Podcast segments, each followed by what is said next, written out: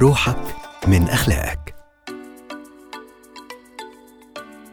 لما حد يدخل يهاجمك أو يتنمر عليك على أي منصة من منصات التواصل الاجتماعي أو حتى في الواقع ما تزعلش. افتكر إنه أضعف من إنه يواجهك في الحياة وإنه بس بيفرغ شوية غضب وكراهية مكبوتة جواه.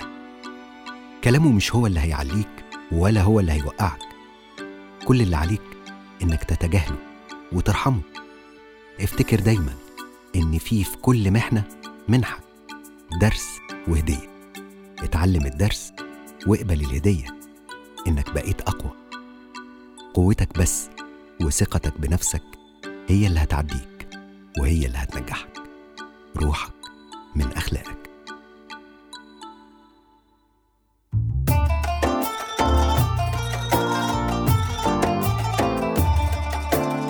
روحك من أخلاقك.